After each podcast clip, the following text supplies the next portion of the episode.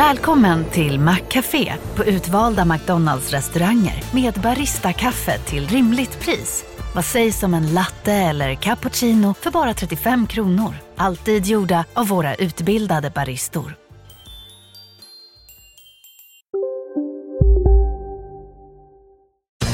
Makrorådet från Dagens Industri.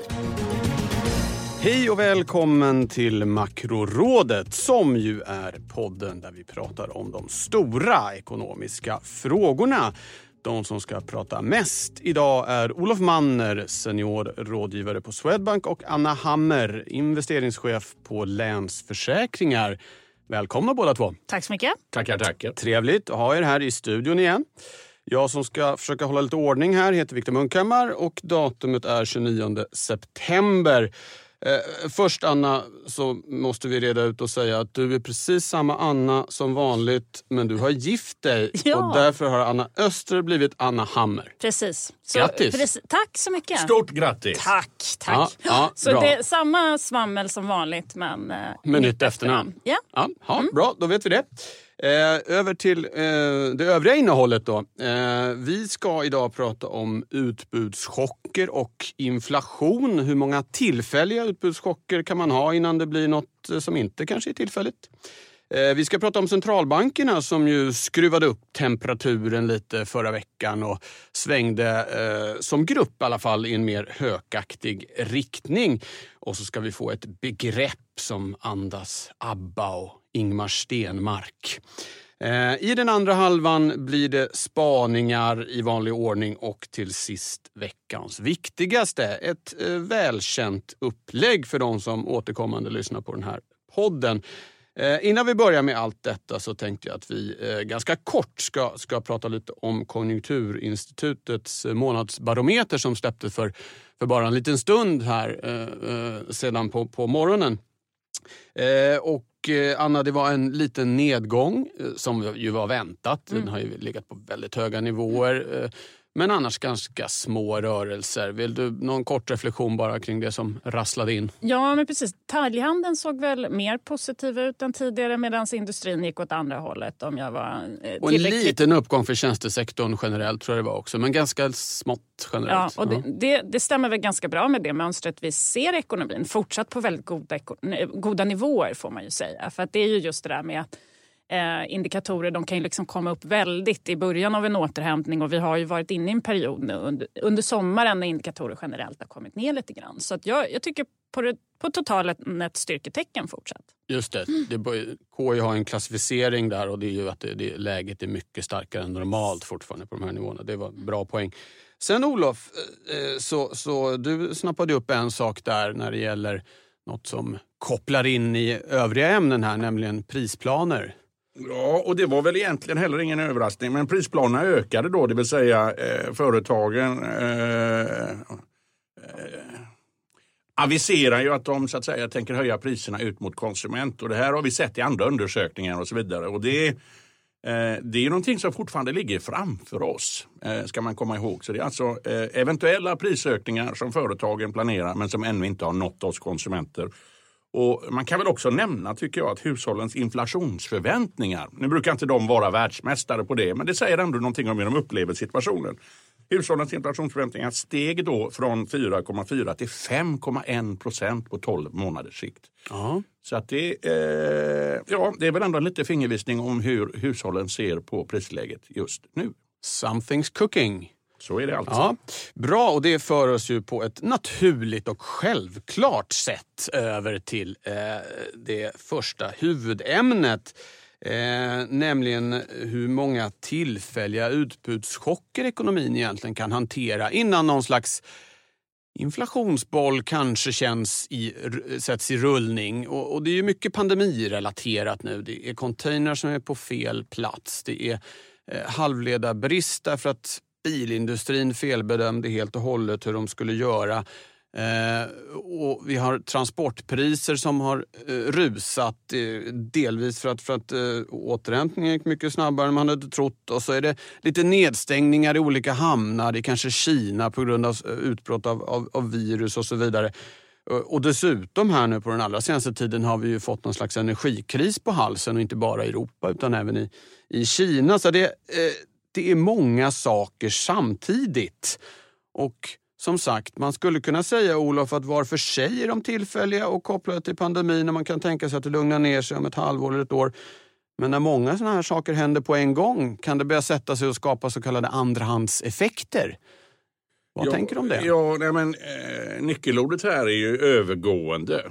Och, och, det är ju ett eh, relativt begrepp. Eh, jag tror, precis som du har varit inne på, att många av de här prispucklarna då, de kommer att gå tillbaka. Men, eh, containrarna kommer att hitta rätt så småningom och gör de inte det så liksom kommer man väl att göra nya containrar. Och tonnaget kan man också så att säga bygga ut så att Eh, Eh, och mycket vad det gäller gasleverans och sånt här, det beror på en mängd olika orsaker. Det är utbudsstörningar, det är fabriken som ligger nere. Andra misstänker att, att eh, man tjuvhåller lite på leveranserna för att vissa avtal ska skrivas på i Europa. Jag tänker på det här Nord Stream 2-röret som nu är, är, är färdigkonstruerat men inte påskrivet.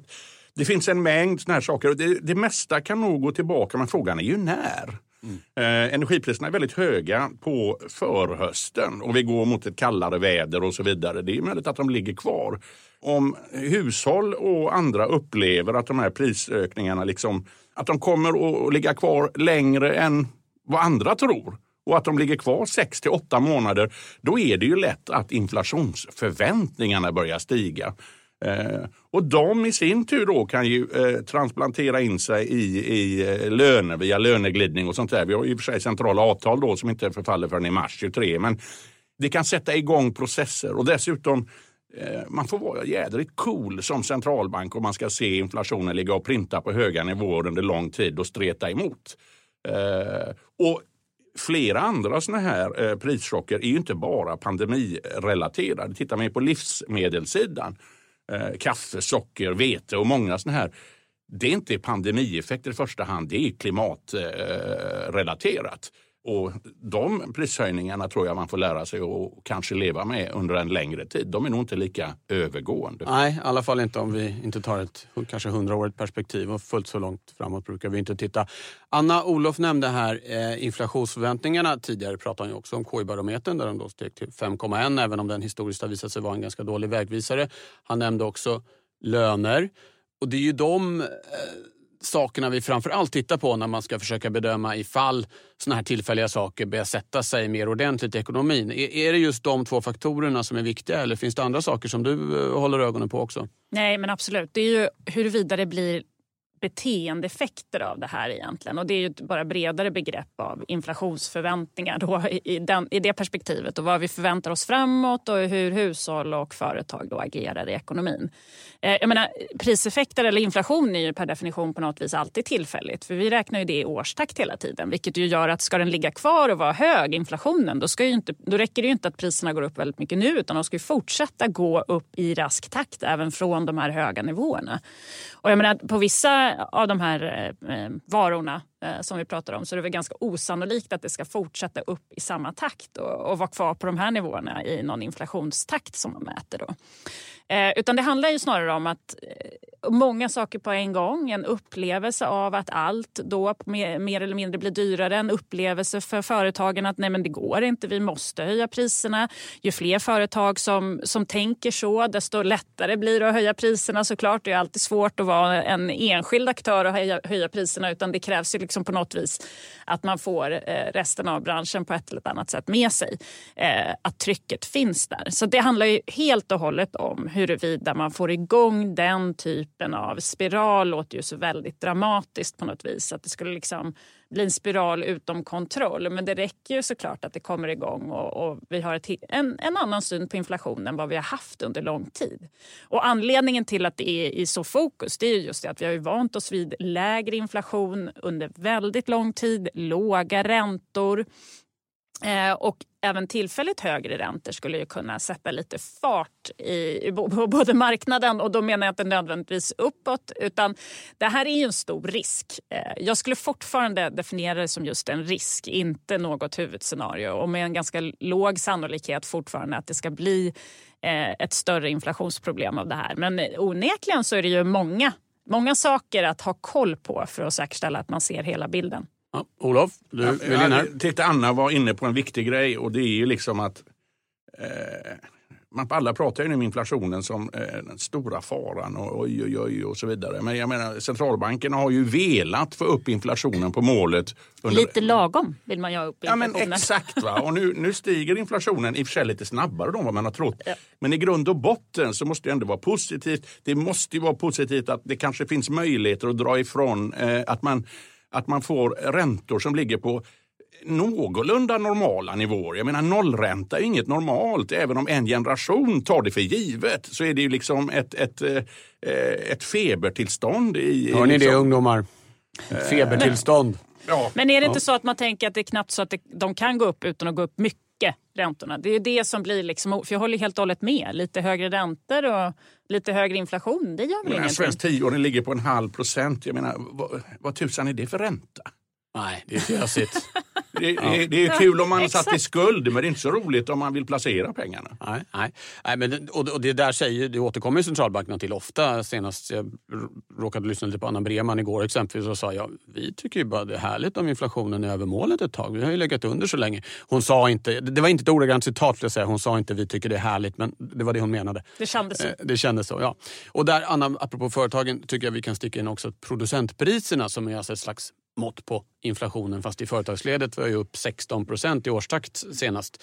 Visserligen är årstakterna lite konstiga nu eftersom förra året var minst sagt lite speciellt men ändå De, det är en de ganska lär inte siffra. vara 16 procent i årstakt om vi sitter här om ett år. Ändå. Nej, det kan ni det- ändå nästan garantera. Ja, nej, det, Ja. Jag skulle inte vilja sätta emot om Nej. vi skulle slå vad om det, så det gör vi inte.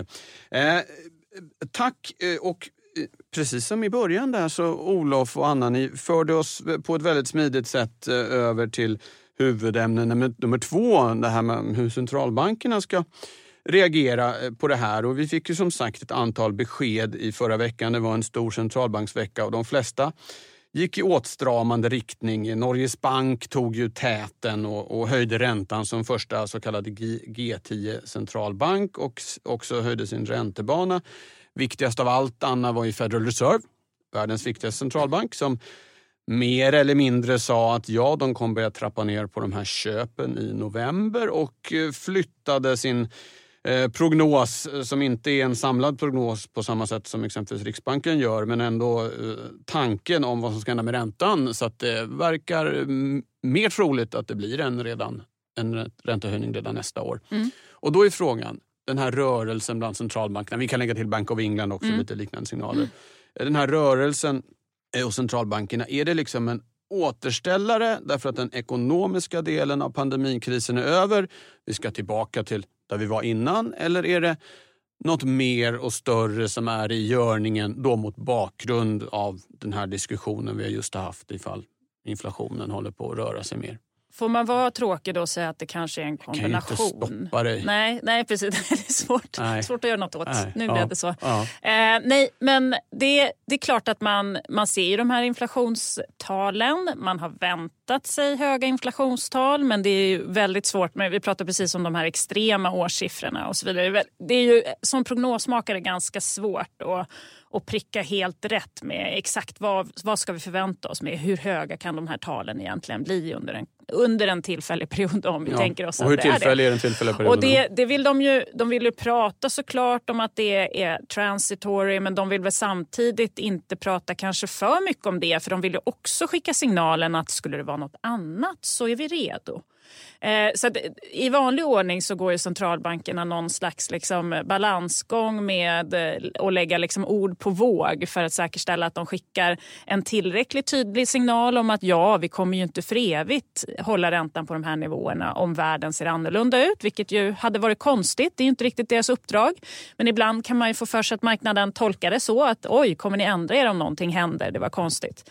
Eh, utan det är ju liksom mer normalläge. Så de försöker ju successivt skruva upp retoriken kring att de kommer strama åt. Eh, och det är klart att även de till viss del, även om man har analyser som säger att det mesta av det här är övergående, så, så finns det väl en oro även hos dem att de skulle missbedöma läget. Att eh, ja, men har vi verkligen helhetsbilden här nu? Det kommer in fler och fler faktorer som vi precis pratade om som är så kallade övergående. Hur, hur, vilken effekt har det på ekonomin? De, de har varken, precis som vi inte, liksom en, en perfekt eh, kikare för att liksom kolla framåt. Utan det är just i och med att vi pratade om de här beteendeeffekterna så är det ju någonting som är lite oklart i den där ekvationen. Det går inte riktigt att bara rent räkna på vad inflationen blir. Så att, eh, de, jag tycker fortfarande att det är fascinerande. Nu var det en ganska intressant marknadsrörelse eh, liksom, kvällen när Fed hade sitt besked ja, och så kom det ju lite, lite senare. Det där tänker jag att det får ju Olof förklara för oss då, hur det kunde bli så där. För att räntorna har ju gått upp en hel del efter mötet men det hände ju inte speciellt mycket där och då. Um, så att jag vet inte om marknaden behövde lite tid på sig för att liksom analysera och idissla informationen. Men än så länge så är det inte så att de förutspår någon extrem ränteuppgång. Men de har ju lyckats strama åt budskapet på ganska kort tid på ett sätt som jag inte riktigt hade räknat med. Det började redan i juni faktiskt Exakt. när de flyttade från 24 till 23 och så nu då halvt i alla fall till Precis. 22. Och ganska, jag menar ändå en hyfsad uppgång, inte till någon typ av neutral nivå under prognoshorisonten som de anser är väl strax över 2 procent. Eh, nu kommer jag inte ens ihåg exakt den siffran, men någonstans ja, men en bit över två. Term, ja. Och det kommer de ju inte upp till under den här prognosperioden. Men ändå en hyfsad uppgång eh, får man ju säga. Även om det alltid är svårt att tolka de där prognoserna lite grann. För det är ju inte en samlad vy utan det är just det där att varje enskild ledamot får lägga in sin prognos och så blir det en median som vi ofta tittar på. Ja. Eh, så det är inte samma typ av budskap som från Riksbanken till exempel. Ja. Olof, först hade Anna en fråga till dig där och sen ska jag ställa en, en, en svårare fråga till dig. Men den Anna hade var... Tyckte den första var tillräckligt var, klurig. Var, varför ja, dröjde det innan uh, USA-räntorna började, började stiga? Är det bara sånt som händer på marknaden ibland? Ja, eller? jag tror att eh, det var väl en eh, hyfsat eh, lång och våt stubin eh, på, det, eh, på det beskedet. Och det var ju först när man såg så att säga kommentarerna och så vidare och, och smälte in i det här. Samtidigt som man då fick eh, fler och fler eh, mer input av stigande priser. Då tog det här så att säga skruv. Eh, man ska veta om då att, att eh, eh räntorna hade ju varit eh, eh, på väg upp under hela förra hösten. De toppade ju här under eh, så att, eh, under, under, vid årsskiftet ungefär. Sen fick vi en överraskande eh, nedgång på räntorna under hela våren och sommaren. Och det gjorde väl att, att folk var lite försiktiga. Man hade gått på det tåget en gång, man hade bränt sig lite. Man var lite eftertänksam innan man så att säga eh, började sälja sina obligationer en gång till. Eh, men, men efter det här så har ju liksom takten då accelererat får man ju säga. Och, eh, eh, så att det, det, det är en mängd orsaker som spelade in. Ja, just det, vi kan väl säga det att USA-räntorna är faktiskt fortfarande inte uppe där de var i slutet av fjolåret. Nej, de har en bit kvar att gå. Det gäller även svenska räntor, ja. även om nu avståndet minskar ganska snabbt. Ja, Spännande. Och så den lite svårare frågan då. Allt det här med inflationen och centralbankernas signaler om åtstramning eh, händer ju samtidigt som vi får en del tecken på att återhämtningen tappar fart ganska ordentligt. Många av de faktorer som driver inflation är också dämpande på tillväxten. Exempelvis Tyskland skruvar ju ner prognosen nu därför att det inte finns tillräckligt med prylar eh, som eh, företagen vill ha. Så det är lite knivigt, knivigt läge kanske att vi ser en kanske skruva ner tillväxtprognoserna, skruva upp inflationsprognoserna. Det är ingen trevlig miljö att vara i för en centralbank. Nej, det blir ju lite... Har du också valt att bli egen?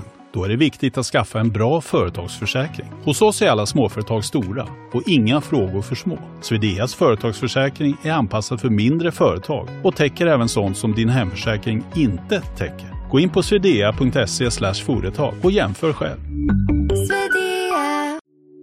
Hej, Ulf Kristersson här. På många sätt är det en mörk tid vi lever i. Men nu tar vi ett stort steg för att göra Sverige till en tryggare och säkrare plats. Sverige är nu medlem i Nato. En för alla, alla för en. Det, eller för någon annan fel, eller för den eh, Det blir lite fel hur de än gör. Eh, du är inne och petar på ett ord där. Jag ska inte säga det först, men eh, det är klart att, att, när vi då ser, och vi ser inköpschefsindex och sånt här som nu börjar eh, eh, gå ner lite grann. Vi ser andra effekter på att de här flaskhals, eh, flaskhalsarna påverkar industrin. Jag tror vi gjorde en undersökning igår på banken där vi, eh, ska vi se, eh, vi hade väl räknat ut... 60 att, miljarder Just det. det. 60 miljarder mindre i exportvolym eh, januari till augusti. BNP 0,6. Exakt. Och, så att tillväxten eh, just nu faller ju från, från i och för sig ganska höga nivåer och vi ser inflationen öka. Och en centralbank då, vad ska de göra? Ska de kyla av ekonomin för att inflationen är på väg upp och, liksom, eh, och därmed då trycka ner tillväxten ytterligare? Eller ska man försöka stimulera ekonomin genom att eh, hålla räntan låg och samtidigt se på när inflationen Alltså det, det är en, en, en, besvärlig situation för centralbankerna när, när, eh, när det här uppstår. Anna, vill du säga något kort om det innan Olof ska så kasta sig över begreppet? Nej, det är klart. Det är en besvärlig situation för att det är en besvärlig situation generellt att tolka ekonomin med de här extrema siffrorna. Alltså det, det är ju verkligen inte någon normal konjunkturåterhämtning vi befinner oss i och vi kan inte heller hålla något sånt mönster i liksom handen och tänka att så här brukar det vara. Och det talar väl ändå för lite is i magen. Och det är ju det som kommer ske. De kommer ju vilja ha mer information än vanligt för att agera och det tycker jag väl i ett sånt här läge känns fullt rimligt. Ja, och apropå is i magen så är de här inflationsmålen nu, de har ju mjukats upp lite. Alla centralbanker säger att de är beredda att acceptera att inflationen stiger över målet. Det är ju faktiskt någonting nytt. Och man ska heller inte glömma bort att eh, åtminstone Riksbanken hade ju en erfarenhet eh, när de höjde räntan sist 2011 och eh, hade lite otur i tajmingen vilket ledde till en debatt i offentligheten. Eh, det är möjligt att de erfarenheterna ligger och ruvar någonstans i bakfickan, vad vet jag? Så kan det vara. Och du var inne på eh, det här ordet som du då inte eh, nämnde för att hålla dramatiken vid liv. Det är ju då begreppet och eh, veckans begrepp, eller programmets begrepp, är ju stagflation. ABBA, Stenmark, doftande. Och det är kanske är lite starkt att, att prata om att vi skulle ha det nu när vi får en tillväxt på kanske 4,5 procent i Sverige, 6 procent i USA. Eh, inflation på kanske ja, 2-3 procent. Men ändå, stagflation är ju någonting som diskuteras allt mer. Och Olof, på 60 sekunder, red ut. Ja, först eh, vill jag ge dig rätt så tillvida att eh, vi är långt ifrån stagflation. Men man tittar på eh, sökmoduler på nätet och ser man att folk nu börjar slå efter det eh, ordet lite oftare. Och jag ser också i artiklar i, i affärspressen att, att eh, eh man börjar prata om det här eh, oftare och oftare. Och, eh, Själva ordet då är ju en sammanslagning av inflation och stagnation. Eh, det är ju så att säga, eh, det blev då ordet stagflation. Och definitionen är väl då att inflationen ökar samtidigt som eh, tillväxten eh, går tillbaka. Och en lägre tillväxt brukar ju då ofta förknippas med en högre arbetslöshet. Eh, och många har därmed liksom eh, gjort om så att säga eh, eh, definitionen till hög arbetslöshet och hög inflation. Men egentligen är det då lägre tillväxt eh, som gäller. Och Eh, vi har ju redan varit inne på varför det här är besvärligt för centralbankerna. Liksom, ska de gasa eller bromsa? Eh, och, och, eh, historiskt så eh, har man testat bägge modellerna ska jag säga. Eh, första gången vi hade eh, riktigt ordentlig stagflation det var ju i Tyskland på 20 och 30-talet. Eh, och det hade ju då sin förklaring i att man hade eh, övergett guldmyntfoten för att finansiera eh, första världskriget och började trycka massa pengar. Och sen hade man räknat med att man skulle få tillbaka de här pengarna när man hade vunnit kriget och så vidare. Nu gick det ju inte riktigt så och, och det ledde då till stora skulder. och för att betala skulderna fick man trycka mer pengar och till slut så fick man hyperinflation och några år senare så kollapsade ekonomin. Det är kanske mer senare exemplet som åtminstone jag då faktiskt kommer ihåg. det är ju ju eh, eh faktiskt eh, Ja, det var ju på 70-talet. Jag hör hur fånigt det låter. Men, det, men eh, faktum är att, att då hade vi ju eh, stagflation i åtminstone eh, delar av Europa och framförallt i den amerikanska ekonomin. Eh, och den gången berodde det ju på effekter av Vietnamkriget som satte USA i skuld. Nixon hade också lämnat eh, guldmyntfoten då i Bretton Woods-antalet 71 och så vidare. Och amerikanerna började då eh, också eh, finansiera så att säga, underskottet med sedelpressarna. Samtidigt steg oljepriserna då. Oljekris 1 73 Så femdubblades oljepriserna och några år senare, 79, så dubblades de en gång till. Eh, och det slog ju brett in i amerikansk ekonomi som då eh, Eh, och, och, och fick så att säga ekonomin och, eh, och bromsa upp samtidigt som den här monetära expansionen eh, tillsammans med högre energipriser drev på inflationen. Vi hade en inflation på upp mot 12-13 procent, en arbetslöshet senare på 10. Så att det är inte så långt borta ur ett historiskt perspektiv. Då. Att säga att vi är där nu, det är att ta i. Men de första små krusningarna på vattenytan, de har kommit. Ja, tack för det. Det blev lite mer än 60 sekunder, men en eh, liten ekonomisk historisk utläggning, inget man tackar nej till direkt.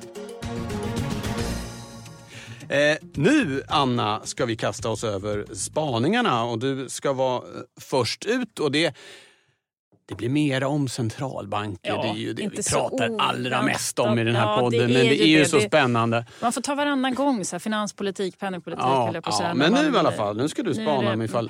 Riksbanken ska skilja ut sig igen. Den skiljer faktiskt ut sig redan nu. Exakt. Att de har varit tidigare än alla andra med att dra ner på, på sina köp. Ja, men precis. Man skiljer ut sig på flera olika Ja, sätt. ja. Vilket ju kanske är härligt. Men man kan ändå liksom, när man blickar framåt då, fundera på hur det här ska kunna hålla i sig. Eller kommer det göra det? Eller kommer någon vara tvungen att vik- ge vika?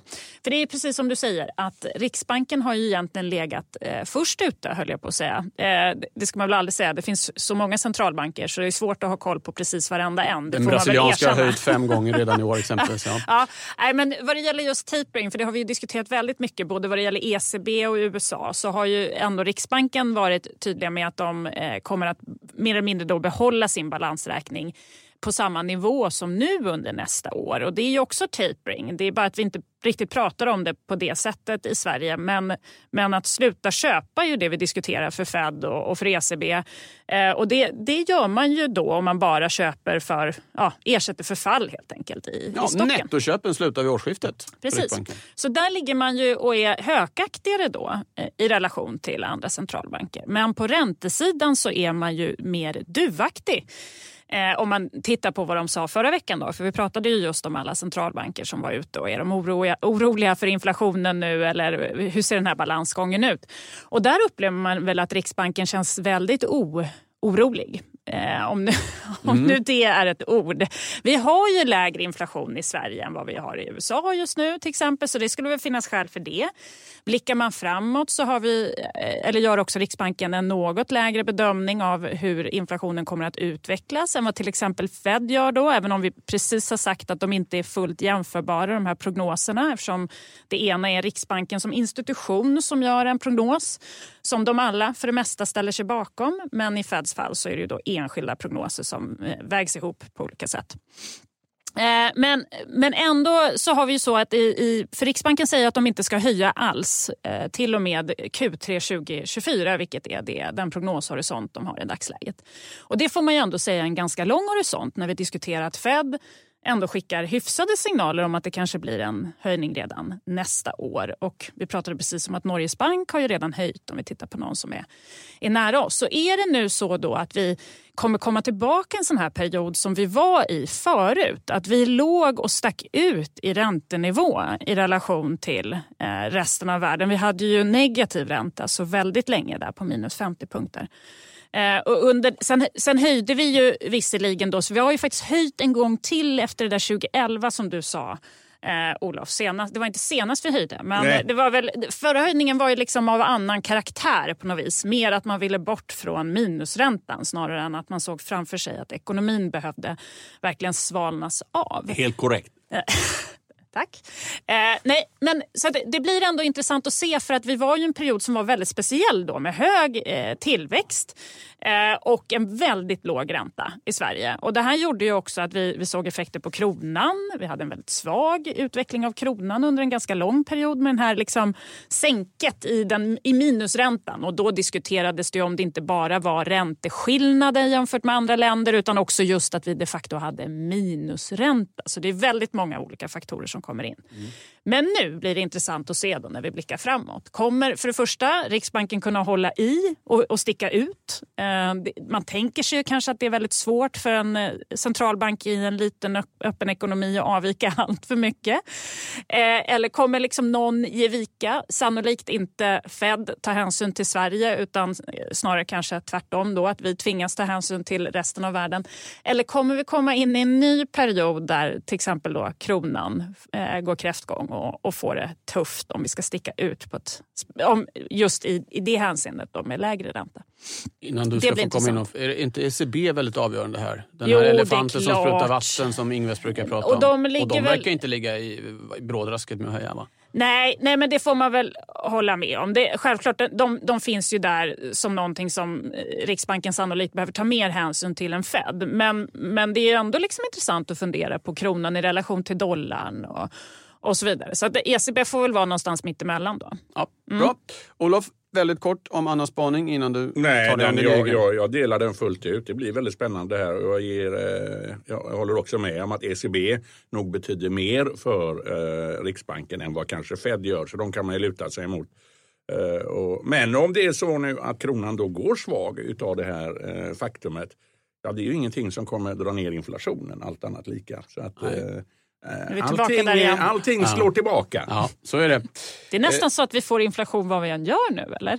Ja, på, fast det är övergående. Ja, just Ja, det. ja, just det. In the long run, it's all övergående. Eh, Olof, din spaning då, det handlar om energipriserna och vår tids största fråga, klimatomställningen. Jo, och det är väl en snabb spaning och kanske mer av en tanke då. Men eh, energipriserna nu är ju höga eh, i stort sett vilken energikälla man än talar om. Elpriser, gaspriser, oljepriserna. Igår i alla fall över 80 dollar per fat faller tillbaka lite idag beroende på eh, större amerikanska lager och så vidare. Men trenden är ändå där. Och eh, Jag vet ingenting om vädret, eh, men det skulle ju kunna bli som eh, meteorologer då förutspå, eh, föruts, förutspår att det blir en kall vinter. Jag har ingen aning om det. Men går man in i vintern med de här energipriserna med eh, ett dieselpris som börjar närma sig 20 kronor eh, och elräkningarna trillar ner eh, eh, på eh, nivåer som är eh, eh, överraskande höga. Eh, då är jag ju rädd så att säga att det här kan få effekter på den nödvändiga klimatomställningen. Så att säga att man eh, det som är kvar i plånboken blir liksom lite mindre och att man då brinner kanske eh, lite mindre för den nödvändiga förflyttningen från fossila bränslen in till eh, till, till andra typer av energikällor. Eh, Så det är jag lite skraj för. Att, eh, för allting tyder ju på att det, liksom, det måste genomföras. Och Tittar vi på eh, åtminstone svenska statsfinanser i, i- Magdalenas lader så knakar det ju i väggarna och det kommer att se ännu bättre ut framöver. Så det är liksom dags att börja med de här investeringarna nu och jag är lite rädd för att höga energipriser, om de biter sig fast, då kan, kan eh, så att säga, ändra momentum lite i den här klimatomställningen när det börjar svida och betala för, för, så att säga, eh, eh för mycket av den energi vi använder oavsett om det är för att värma upp huset eller köra bilen. Så att eh, man kan inte vänta. Och, jag förväntar mig också att den här kärnkraftsdebatten bara kommer att bli eh, än vildare och än eh, hö, mer högljudd. Kan man inte tänka tvärtom då också? Att höga energipriset gör folk mer angelägna om eh, investeringar som gör att man gör av med mindre energi. Vilket ju är positivt ur klimatomställningen. Det är också ett spår man kan dra utav det, men jag är osäker på vilken vändning det tar. Eh, historiskt vet jag ju att när, liksom, eh, när folk får börja betala lite mera, då skriker man också på någon form av förändring. Och I det här fallet så kan det, är jag rädd då att det kan påverka klimatdebatten, fast åt fel håll. Då. Men som sagt, det är en tanke, det är en spaning, det ligger i framtiden. Vi får se. Bra. Anna, väldigt, väldigt kort om Olofs innan vi ska ta veckans viktigaste. Nej, men jag håller med. Det är ju väldigt mycket, ovanligt mycket som kretsar kring energi, får man väl ändå säga. Ja, just nu. Alltså, så, att, så att därför så, så känns det som en oerhört intressant spaning utifrån att det, jag tror också att vi kommer diskutera det här väldigt mycket närmsta halvåret. Jag, jag hoppas väl också lite på att man försöker hitta lösningar då, långsiktiga lösningar snarare än, vilket jag tror att Olof också hoppas på, eh, snarare än att man går, tar ett steg tillbaka. Men eh, mycket energifokus. Ja. Bra! Då ska vi runda av eh, detta med veckans viktigaste, Anna. Vad man absolut inte får missa under eh, ja, de närmaste sju dagarna kan vi väl säga. Det har ju varit inte jättelätt höll jag på att säga. För det känns som att allt hände förra veckan. Mm, Eh, det var en men, eh, dålig introduktion tycker jag. Men visst, nu är Men vi det är klart att det ju intressanta saker hela tiden. Eh, så jag tänker att vi kanske fokuserar på inköpschefsindex då som ska trilla in och som ju alltid gör det precis så här i månadsskiftet. Så att, för tillverkningsindustrin så brukar de ju komma den första. Och för tjänstesektorn är det tredje eller är det, Det fjärde? brukar vara två dagar senare. Två dagar senare, det blir tredje. tre dagar senare. därför att Precis, den första det är är på en- fredag och den fjärde är på måndag. Precis. På kanelbullens dag. Jo, bra, då kan vi fira också eh, när eh, tjänste-PMI kommer in. Antingen en dyster bulle eller en glad bulle. Att det fortsätter att se fint ut. De har ju kommit ner ganska mycket under sommaren. Det pratade ju Olof om tidigare. Den här typen av indikatorer. Vilket ju är helt naturligt. Det hade varit konstigt annars. De jämför ju väldigt mycket med månaden innan. Hur ser det ut? Det kan inte fortsätta gå i samma takt upp som vi hade med den här liksom absoluta ketchup-effekten. Precis när det börjar lätta lite efter nedstängningar. Så det, det kommer ju inte vara på de nivåerna. Men, men det är ju såklart intressant att se om det blir påtagliga fall från de här nivåerna. Och så ska vi hålla koll förstås på priskomponenten. Det blir spännande. Absolut. Det var ju rekord i de preliminära indexen från, från EMU. Men det är ju en del flaskhals, eh, väldigt tillfälliga effekter Ja, i dem ja, där då. precis. Ändå. Man får Bra. hålla tungan rätt i mun. Bra, då tackar jag er, eh, Anna och Olof. Jag tackar alla som har lyssnat. Jag påminner om att det finns andra poddar från Dagens Industri, exempelvis Analyspodden varje fredag och Digitalpodden. Och sen vill jag eh, komma med en eh, en specialare. Vi har ju pratat idag om att det är mycket inflation och det är många som mejlar och hör av sig om det. Och därför kommer det vara ett special program av Makrorådet där jag ska prata med Marcus Vidén som numera är ekonom på SCB men som tidigare har suttit i eh, Statistiska centralbyråns KPI-nämnd. Han kan allt om hur det där måttet är konstruerat, vad som fångas upp och vad som inte fångas upp. Och har man frågor till Marcus så kan man mejla dem till makroradet di.se. Eh, det här kommer, eh, själva podden kommer vi spela in i oktober så att det finns lite tid. Men eh, frågor om KPI, vad som fångas och inte, inflation, Mejla dem till makroradet.di.se så ska jag försöka vidarebefordra dem till Marcus Vidén. Nu eh, ska vi sätta punkt för idag. Ta hand om er till nästa gång. Hej då! Makrorådet från Dagens Industri. Podden klipps av Umami Produktion. Ansvarig utgivare Peter Fällman. Varje vardag klockan sju uppdaterar DITVs Morgonkoll dig om natten och morgonens viktigaste nyheter. Från börsstängningen i New York till läget i den asiatiska handeln. Och strax därefter kommer podden med samma namn. Prenumerera på Morgonkoll du också så är du uppdaterad inför varje ny arbetsdag. Morgonkoll finns där andra poddar finns.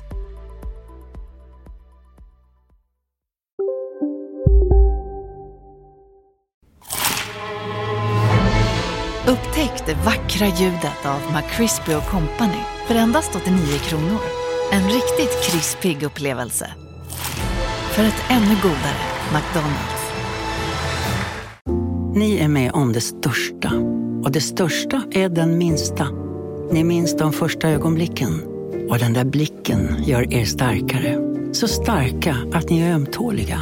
Men hittar trygghet i Sveriges populäraste barnförsäkring. Trygg Hansa. Trygghet för livet.